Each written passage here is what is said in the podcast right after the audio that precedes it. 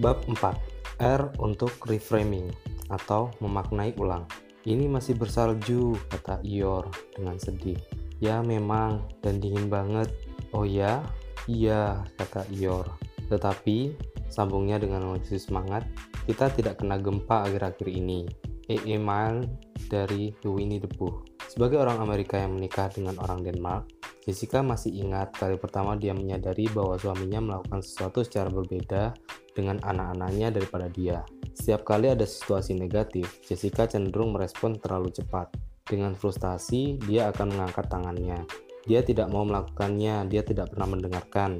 Sementara itu, suaminya selalu mempunyai stok kesabaran yang lebih tenang, dan memiliki kalimat ajaib yang tersedia untuk setiap situasi yang selalu sukses membuat Jessica takjub. Ini seperti jendela yang terbuka di kamar gelap, memberikan cahaya baru pada bahasan yang tadinya dia pikir tidak ada penyelesaiannya. Suaminya bisa menempatkan sesuatu yang tidak menyenangkan dalam cahaya yang lebih positif. Dia bisa membuat situasi hitam putih menjadi sedikit lebih abu-abu. Kesakitan menjadi terasa tidak begitu sakit dan kemarahan bisa diredakan. Jessica mendapati keluarganya dan temannya melakukan hal yang sama dengan anak-anak mereka di mana buku frasa ajaib yang digunakan orang-orang Denmark ini. Suatu pagi, saat mendengarkan suaminya dengan hati-hati mengubah bahasa anak perempuannya tentang ketakutannya pada laba-laba, Jessica sadar bahwa pengaruh ini sangat kuat untuk masa depan anak perempuannya. Ketika dia mengamati anaknya dengan tekun, mempelajari dan mengagumi laba-laba bersama suaminya, dan bukan berteriak ketakutan mengatakan, Uh, Jessica sadar bahwa cara orang Denmark dalam menggunakan bahasa sangat penting, karena ini bukan hanya tentang bahasa, melainkan tentang memilih kalimat yang tepat untuk membuat perubahan persepsi. Melepaskan kacamata lama Anda lagi. Anda tahu cara kita melihat kehidupan dan menyaring pengalaman dari hari ke hari mempengaruhi cara kita merasakan sesuatu secara umum banyak dari kita yang tidak sadar tentang bagaimana cara kita melihat sesuatu adalah sesuatu adalah sebuah pilihan secara tidak sadar. Kita merasa bahwa persepsi kita terhadap hidup adalah kebenaran. Ini adalah kebenaran kita. Kita tidak berpikir persepsi kita sebagai cara yang dipelajari dalam melihat sesuatu. Sering kita ambil dari orang tua atau budaya kita. Kita melihatnya sebagai hal yang sudah semestinya begitu. Cara yang sudah menetap dari hal yang sudah semestinya ini disebut sebagai bingkai dan dari bingkai di mana kita melihat dunia adalah persepsi kita. Dan apa yang kita persepsikan sebagai kebenaran terasa seperti kebenaran. Akan tetapi, bagaimana jika kita bisa melihat sebuah kebenaran dengan cara yang baru? Bagaimana jika kita bisa mengambil kebenaran seperti yang kita lihat dan meletakkannya ke dalam bingkai metal yang baru, bingkai yang lebih luas dan lebih berpikiran terbuka, dan menggantungnya kembali di dinding. Jika kita melihat kembali pada gambar yang dikatakan kebenaran, bagaimana cara kita memandangnya? Bayangkan Anda berdiri sebuah galeri seni. Lukisan itu tergantung di dinding dan ada pemandu yang menunjukkan detail halusnya kepada Anda. Anda mulai melihat hal-hal yang tadinya tidak terlihat. Detail baru ini sebenarnya ada di sana sebelumnya, tetapi Anda tidak memperhatikannya karena terlalu fokus pada apa yang Anda pikir adalah tema yang paling terlihat. Ini adalah lukisan yang jelek, Anda menyimpulkan. Laki-laki jahat, perempuannya tak berdaya dan suasana hatinya sedih. Anda baru akan pindah, tapi sekarang Anda menyadari dengan bantuan dari pemandu bahwa ada fokus cerita yang benar-benar berbeda pada lukisan tersebut. Sekarang Anda melihat bahwa ada orang-orang riang yang membantu membawa hadiah di jendela di belakang pasangan itu. Laki-laki itu digigit anjing, menerangkan mengapa dia terlihat kejam dan perempuan terlihat membantu bukan tak berdaya.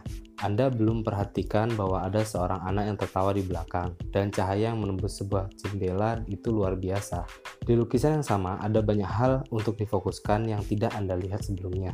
Rasanya menyenangkan mengalami perubahan mental dan menemukan hal yang baru. Ingatan Anda terhadap lukisan tersebut sekarang akan benar-benar berbeda, dan cara Anda berbagi pengamatan tentangnya dengan orang lain pun akan berbeda. Dengan latihan, menemukan pilihan-pilihan cerita ini menjadi sebuah keterampilan, bukan perjuangan. Pada masa yang akan datang, pemandu yang akan menunjukkan cerita berbeda ini adalah Anda sendiri.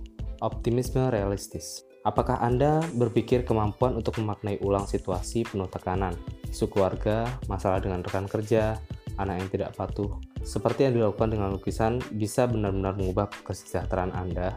Jawabannya iya. Dan inilah yang dilakukan oleh orang-orang Denmark selama berabad-abad lamanya. Mereka mengajarkan pada anak-anaknya keterampilan yang sangat berharga, dan belajar cara mengenai ulang sangat membantu mereka untuk tumbuh alami menjadi orang dewasa yang lebih baik. Dan menjadi ahli dalam hal memaknai ulang adalah landasan dari ketangguhan.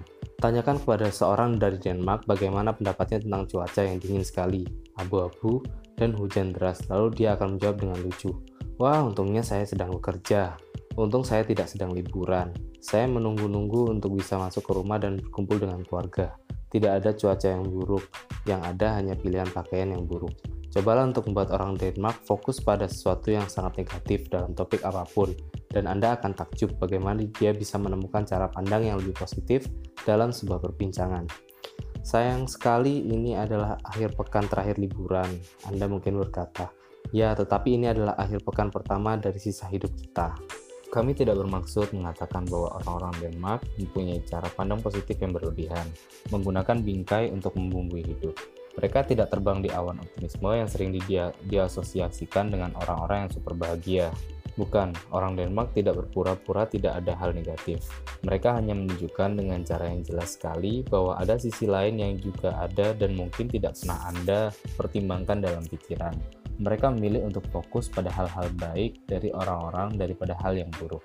Mereka mengubah harapan untuk fokus pada gambaran yang lebih besar daripada terjebak pada satu aspek dari setiap argumen dan mereka biasanya cenderung lebih berkarakter dalam pandangan mereka sendiri. Psikolog menyebut orang Denmark sebagai optimis realistis. Optimis realistis berbeda dari mereka yang selalu optimis dengan senyum yang permanen. Orang-orang yang kadang terlihat palsu karena hidupnya terlihat terlalu sempurna.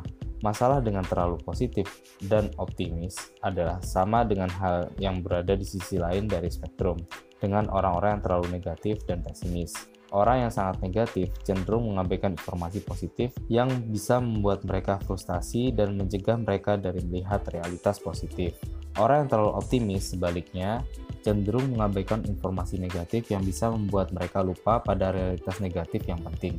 Memaksa diri Anda sendiri untuk percaya bahwa semuanya menyenangkan dengan mengatakan tidak, tidak ada masalah sama sekali, ketika sebenarnya ada masalah yang sangat beresiko.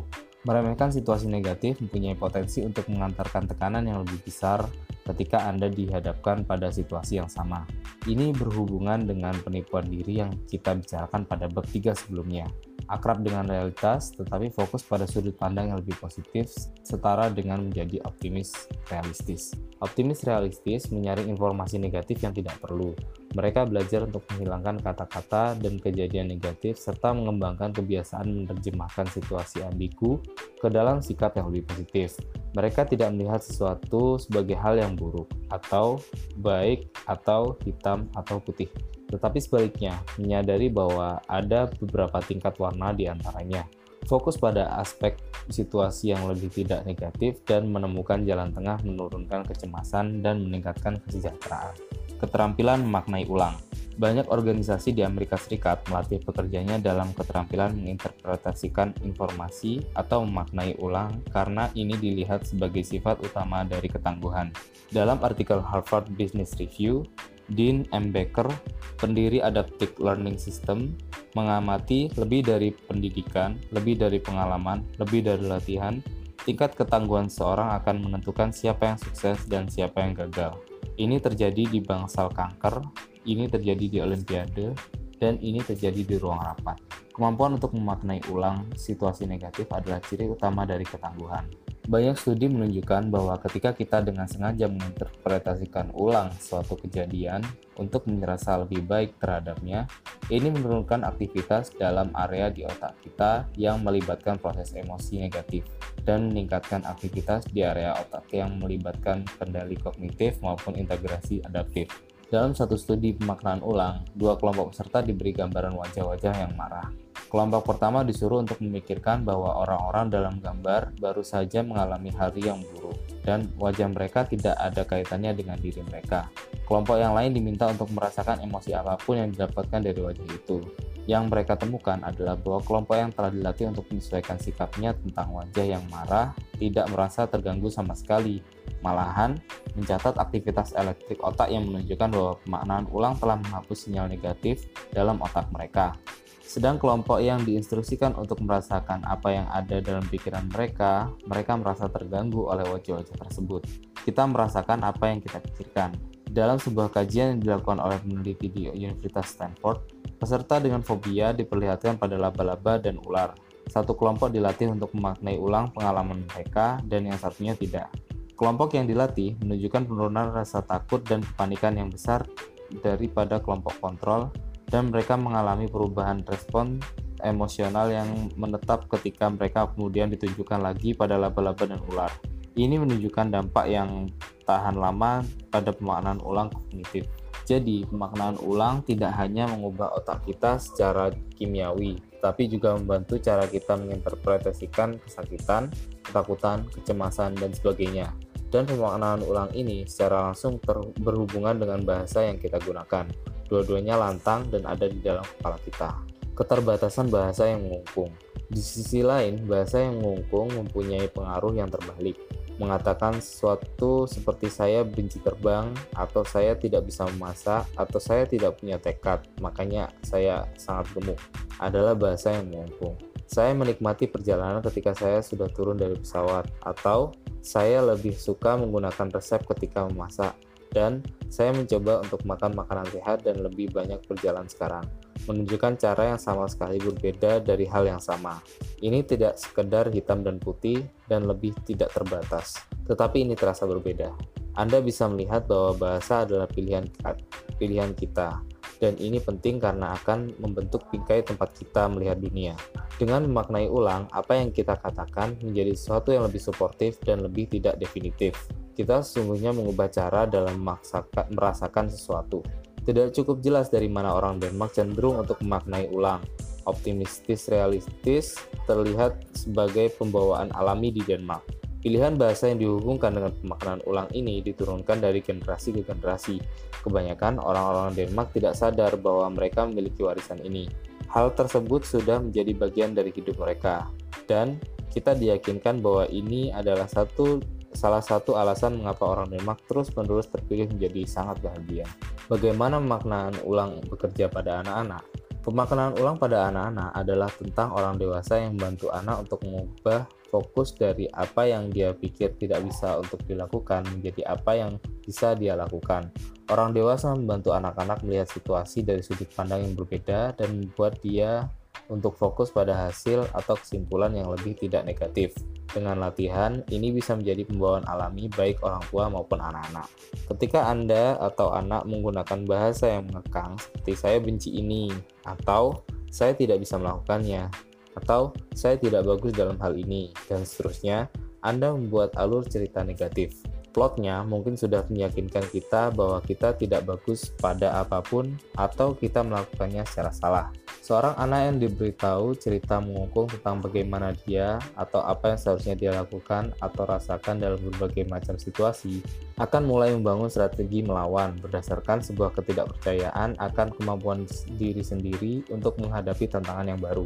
Dia tidak begitu bagus dalam olahraga atau dia sangat berantakan atau dia sangat sensitif. Dia terlalu sensitif. Ini semua sangat mengungkung. Semakin banyak anak-anak mendengar kenyataan seperti ini, semakin negatif kesimpulan yang mereka buat tentang diri mereka. Masalah ini bisa dikurangi dengan membantu menemukan dan membuat kalimat berbeda untuk anak-anak Anda. Untuk memaknai ulang, tuntunlah mereka melihat gambar yang lebih luas atau lebih ambigu tentang diri dan dunia di sekeliling mereka. Keterampilan ini akan diteruskan menjadi cara mereka belajar untuk melihat dan menginterpretasikan kehidupan sekaligus orang lain. Pada praktik event, so, sebagai seorang psikoterapis naratif, dia banyak fokus pada pemaknaan ulang, bahkan lebih dalam lagi pada reauthoring. Dia membantu orang untuk melihat keyakinan yang ada di dalam diri mereka dan keyakinan yang mereka tanamkan pada anak-anak tanpa disadari. Anak-anak Anda akan mencoba memikirkan kebenaran pernyataan tersebut seperti dia antisosial atau dia tidak begitu akademis atau dia buruk di pelajaran matematika dan dia sangat ego egois. Lalu mengidentifikasikan mereka dengan perilaku ini. Anak-anak bisa lebih sering mendengar apa yang dikatakan oleh orang tua daripada yang Anda duga. Sebentar lagi, mereka akan percaya bahwa seperti inilah mereka. Ketika perilaku baru tidak sesuai dengan label ini, mereka bahkan tidak mencoba untuk memikirkan kebenarannya karena mereka sudah terlanjur mengidentifikasikan diri mereka sebagai ceroboh, pemalu, atau buruk di pelajaran matematika. Bahasa yang kita gunakan sangat kuat. Ini adalah bingkai di mana kita menerima, juga mendestriksikan tentang diri dan gambaran kita pada dunia. Alan Holmgren, psikolog Denmark yang terkenal, percaya bahwa realitas kita diciptakan dalam bahasa yang kita gunakan. Semua perubahan melibatkan perubahan pada bahasa. Sebuah masalah hanyalah menjadi masalah kalau dia dianggap sebagai masalah. Kekuatan label. Anda bisa melihat bahwa banyak dari label dan alur cerita yang mengikuti kita ke kehidupan dewasa. Sungguh banyak apa yang kita pikirkan tentang diri kita sebagai orang dewasa datang dari pelabelan yang didapatkan ketika masih anak-anak.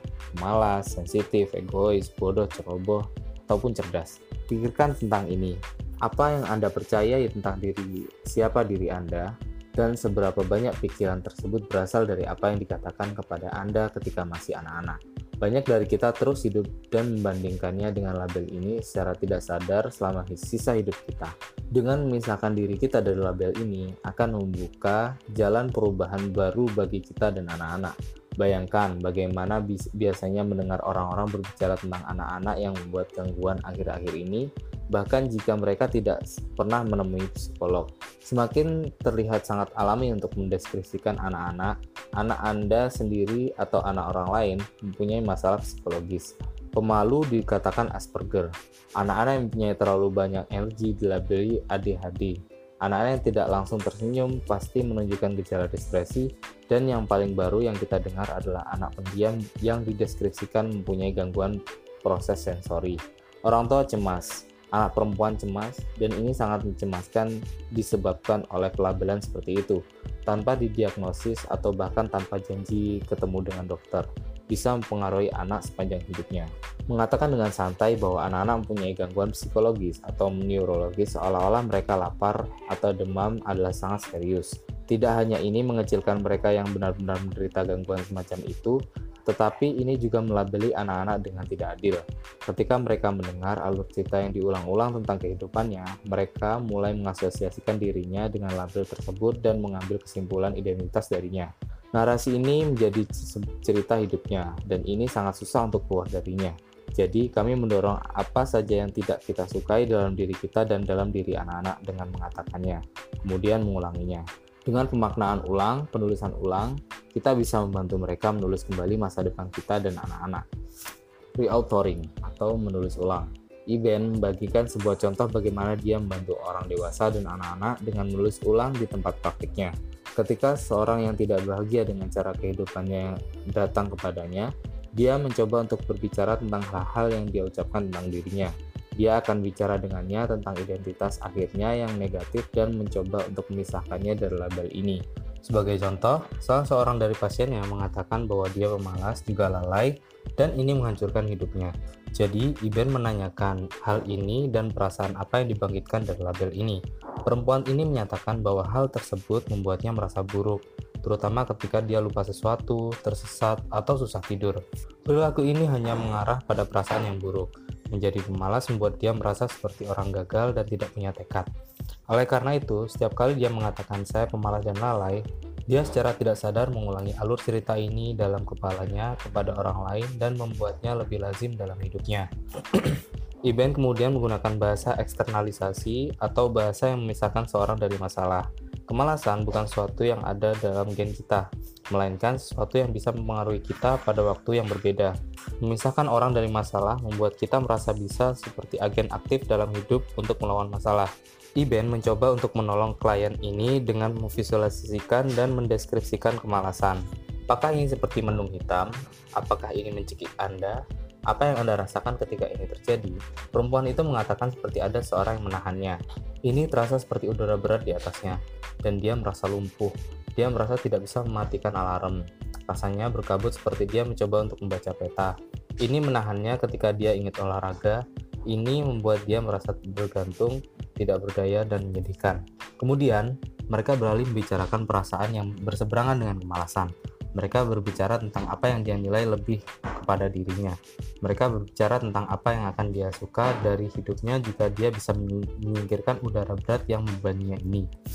Kemudian, mereka beralih pada pengalaman zaman dahulu untuk mencari cerita yang berbeda tentang hidupnya. Ternyata dia mempunyai keterampilan komunikasi dan kreativitas yang fenomenal. Dia lucu dan merupakan teman yang setia. Dia sangat terampil dalam memasak dan bermain musik. Juga memiliki banyak pengalaman yang bisa dia ambil ketika dalam keadaan tidak malas. Dia dan Iben berbicara lebih jauh tentang pengalaman-pengalaman itu.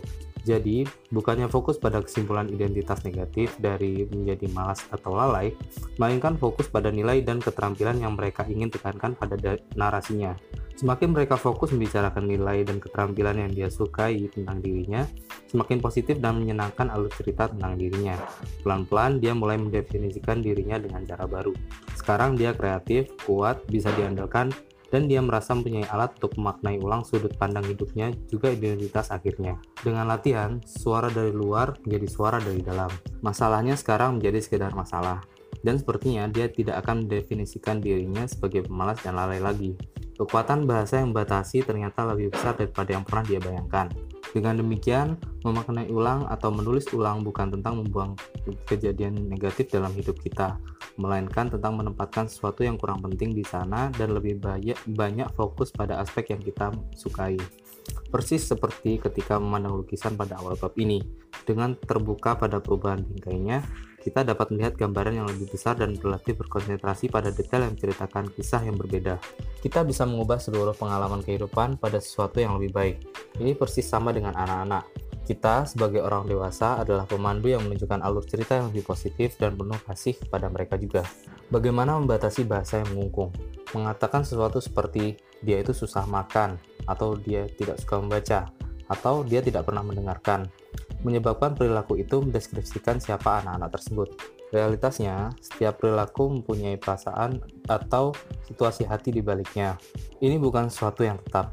Mungkin mereka sedang lelah, lapar, atau marah terhadap sesuatu. Semakin kita bisa memisahkan perilaku dari anaknya, semakin kita bisa mengubah bagaimana kita melihatnya, dan akhirnya bagaimana dia melihat dirinya sendiri. Ini memastikan bahwa dia baik-baik saja dan bahwa perilaku tersebut bukan takdirnya. Label seperti yang sudah kita lihat bisa menjadi ramalan yang kita jadikan nyata. Kadang-kadang anak yang keras kepala memang akan sangat sulit dihadapi, tetapi cobalah untuk melihat gambaran yang lebih besar dan ke mana tujuan perilaku tersebut.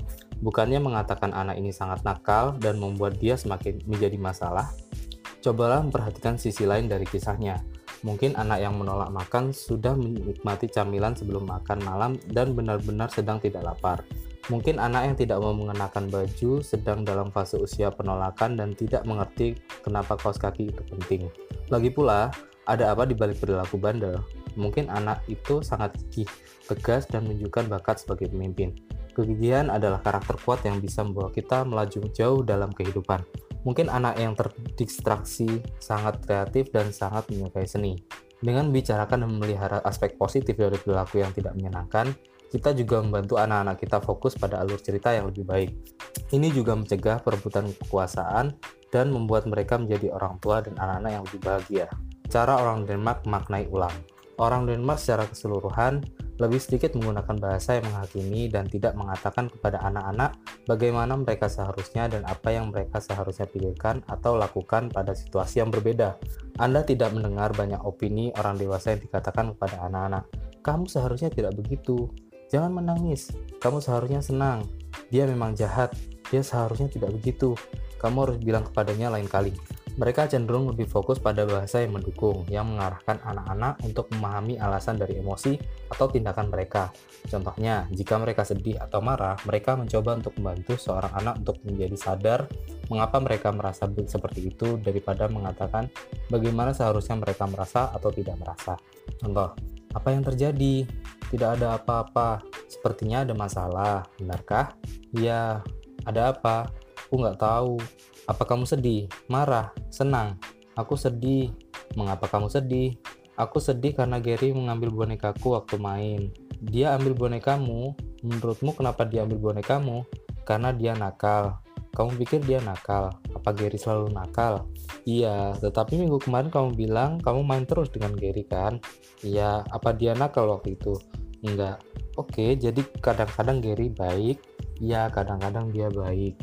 Orang tua Denmark pandai membantu anak-anak dalam mengartikan emosi mereka dan kemudian mandu untuk menemukan sesuatu yang lebih konstruktif, bukannya kepercayaan yang meremehkan dan membatasi. Ini adalah inti dari pemaknaan ulang. Jadi apa yang terjadi pas dia ambil bonekamu? Aku nangis. Jadi kamu sedih pas dia ambil bonekamu. Aku bisa mengerti itu.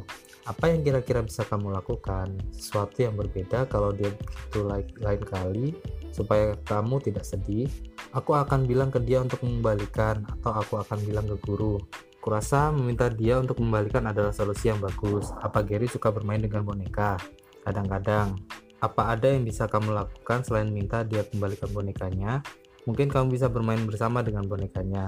Sepertinya itu solusi yang bagus. Kita tahu Gary sebenarnya anak yang baik. Jadi lain kali kamu bisa tanya dia apa dia mau main boneka juga. Ya, Menemukan sisi yang lebih terang bisa dilakukan pada setiap situasi, tidak hanya pada orang-orang.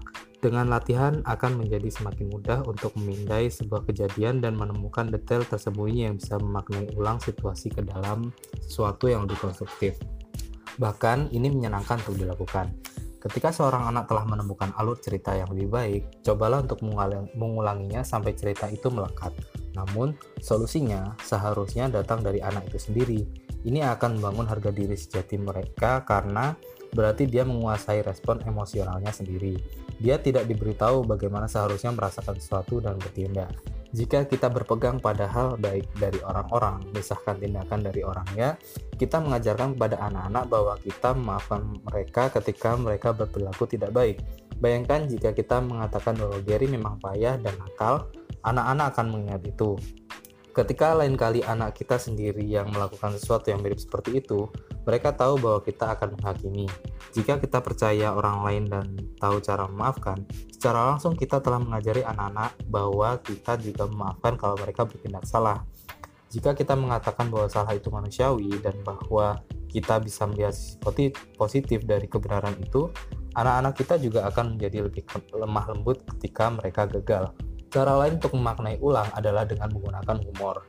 Jika Anda menemukan diri Anda di sisi lapangan sepak bola dan anak bermain dengan buruk serta mengatakan, "Aku makin aku main payah." Cara yang biasa untuk merespon adalah, "Enggak, enggak kok, kamu bermain bagus, lapangannya saja yang licin. Kamu akan menang lain kali, kadang menang, kadang kalah." Cara orang Denmark memaknai ulang dengan humor mungkin akan terdengar seperti ini. Aku main payah. Apa kakimu patah? Enggak, tetapi aku pemain yang payah. Tapi kakimu nggak patah kan? Kamu yakin? Sambil mengecek kaki. Ya setidaknya kamu kakimu nggak patah. aku pemain yang payah, aku seharusnya berhenti. Aku benci ini. Kamu benci sepak bola? Ya kamu memang bermain nggak bagus hari ini, tapi ingat minggu kemarin kamu ngegolin dua. Oh iya, tetapi ingat perasaan waktu ngegolin. Cukup bagus. Kurasa aku ingat kamu menari berkeliling lapangan dan bernyanyi. Apa kamu benci sepak bola waktu itu? Enggak, Tentu saja, jadi ingat saja yang kamu rasakan minggu lalu dan coba kita pikirkan apa yang bisa kita bantu untuk membuatmu jadi pemain yang lebih baik lagi lain kali. Latihan lebih banyak. Ya, dan ayo makan pizza untuk merayakan bahwa kakimu nggak patah. Kadang hari, ada hari jelek, kadang ada hari yang baik. Perhatikan bahwa dalam contoh ini, orang tua tidak mengabaikan fakta bahwa anaknya sedang bermain dengan buruk. Orang tua mengakui ini, tetapi menggunakan humor untuk menunjukkan situasi bisa saja lebih buruk dan juga mengarahkan anak pada perasaan yang lebih positif yang ia punyai tentang bermain sepak bola minggu sebelumnya. Ini adalah optimis realistis. Anda mengakui kenyataan, tetapi Anda masih bisa menghilangkan kata-kata negatif yang tidak perlu dan fokus pada perasaan bagus daripada yang jelek dengan menggunakan humor atau fokus pada waktu lain yang perasaannya bagus. Jika Anda memilih untuk melihat aspek positif dari perilaku anak, Anda memberinya alat untuk berurusan dengan ke keunikannya. Ini semua adalah cara Anda memaknainya, dan latihan membuatnya sempurna. Tips untuk memaknai ulang 1. Perhatikan sisi negatif Anda. Latihan untuk memperhatikan ketika Anda mempunyai pola pikir negatif. Cobalah untuk memperhatikannya dan lihat seberapa sering Anda menggunakan kenegatifan itu untuk melihat situasi. Cobalah mengusahakan cara yang berbeda dalam melihat sesuatu yang membuat Anda sedih, seperti ketakutan atau kecemasan sebagai latihan. Cobalah mundur dari perspektif Anda dan lihat apakah Anda bisa menemukan pemahaman dan cara lain untuk melihat sesuatu atau cara untuk fokus pada aspek yang lebih positif. 2. Latihan memaknai ulang. Pikirkan seberapa realistis pikiran Anda dan cobalah menggunakan frasanya. Pertimbangkan mengikuti kalimat-kalimat berikut ini. Saya tidak pernah punya waktu untuk olahraga. Saya sangat gemuk. Saya penulis yang buruk. Ibu mertua saya sangat menyebalkan. Sekarang coba ubah menjadi kalimat yang berbeda. Aku bisa olahraga setidaknya sekali seminggu dan aku mencoba makan salad untuk makan siang. Ah, lumayan lah. Aku penulis yang cukup bagus kalau adikku sedang punya mood yang baik. Aku suka ibu mertuaku meski kami punya perbedaan, dia nenek yang baik untuk anak-anak. Ini bisa jadi menantang untuk dilakukan, tetapi kita tahu ini membuat perbedaan pada kimiawi otak kita, dan ini akan mempengaruhi kesejahteraan kita. Kali pertama hal ini akan terasa aneh untuk dilakukan, tapi semakin baik Anda melakukan pemaknaan ulang, semakin baik pula yang dirasakan. Semua hal negatif yang kita lihat dan katakan tentang diri kita sendiri dan keluarga kita, serta kecemasan dan ketakutan kita diwariskan dari langsung kepada anak-anak. Jadi, wariskanlah pemaknaan ulang kepada diri Anda dan anak-anak. Juga bantulah mereka menjadi lebih baik saat menghadapi jatuh bangunnya kehidupan. 3. Gunakan lebih sedikit bahasa yang mengungkung. Cobalah menghilangkan hitam dan putih dan membatasi bahasa saya benci ini, saya cinta ini, saya selalu, saya tidak pernah, saya seharusnya, saya tidak seharusnya, saya seperti ini, dia seperti itu, dan seterusnya. Bahasa yang mengungkung hanya menyediakan ruang kecil untuk perkembangan dan hanya melihat sesuatu dari satu sudut pandang. Cobalah untuk lebih banyak menerima. Dengan begini, Anda akan lebih jarang berebut kuasa dengan anak-anak dan pasangan Anda. Cobalah mengeksternalkan bahasa, pisahkan tindakan dari orangnya. Daripada mengatakan dia pemalas atau dia agresif, cobalah melihatnya sebagai isu eksternal dan bukan bawaan. Mengatakan dia terpengaruh oleh rasa malas atau dia terjebak oleh momen agresif. Sangat berbeda dari melabeli mereka sebagai mereka memang seperti ini dan seperti itu. 5. Tulis kembali deskripsi anak Anda menjadi lebih penuh kasih. Buatlah daftar kualitas dan perilaku paling negatif dari anak Anda dan tulis, tulislah kembali dalam sebuah kalimat dia tidak begitu akademis. Saya rasa dia punya ADHD, dia sangat keras kepala. Kemudian cobalah untuk menulis kembali kalimat-kalimat tersebut. Mengidentifikasikan sumber dari perilaku tersebut. Sebagai contoh, anak yang tidak begitu akademis mungkin suka membaca dan sangat sosial. Anak yang punya ADHD mungkin energetik dan seorang pemain drum yang fantastis yang keras kepala mungkin pekerja keras yang sabar dan pantang menyerah. Cobalah fokus pada sisi positif dari perilaku anak-anak Anda sehingga mereka merasa ada apresiasi dari keunikan mereka daripada label negatif.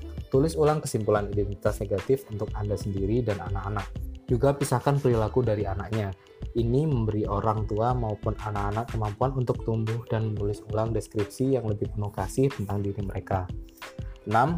Gunakan bahasa yang suportif. Bantu anak Anda dengan menggunakan bahasa yang mendukung daripada bahasa yang menghakimi.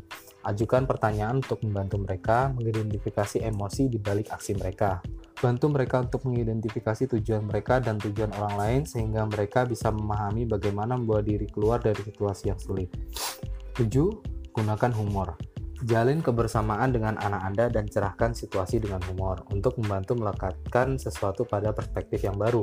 Namun, hati-hati untuk tidak menyangkal perasaan atau pengalaman anak.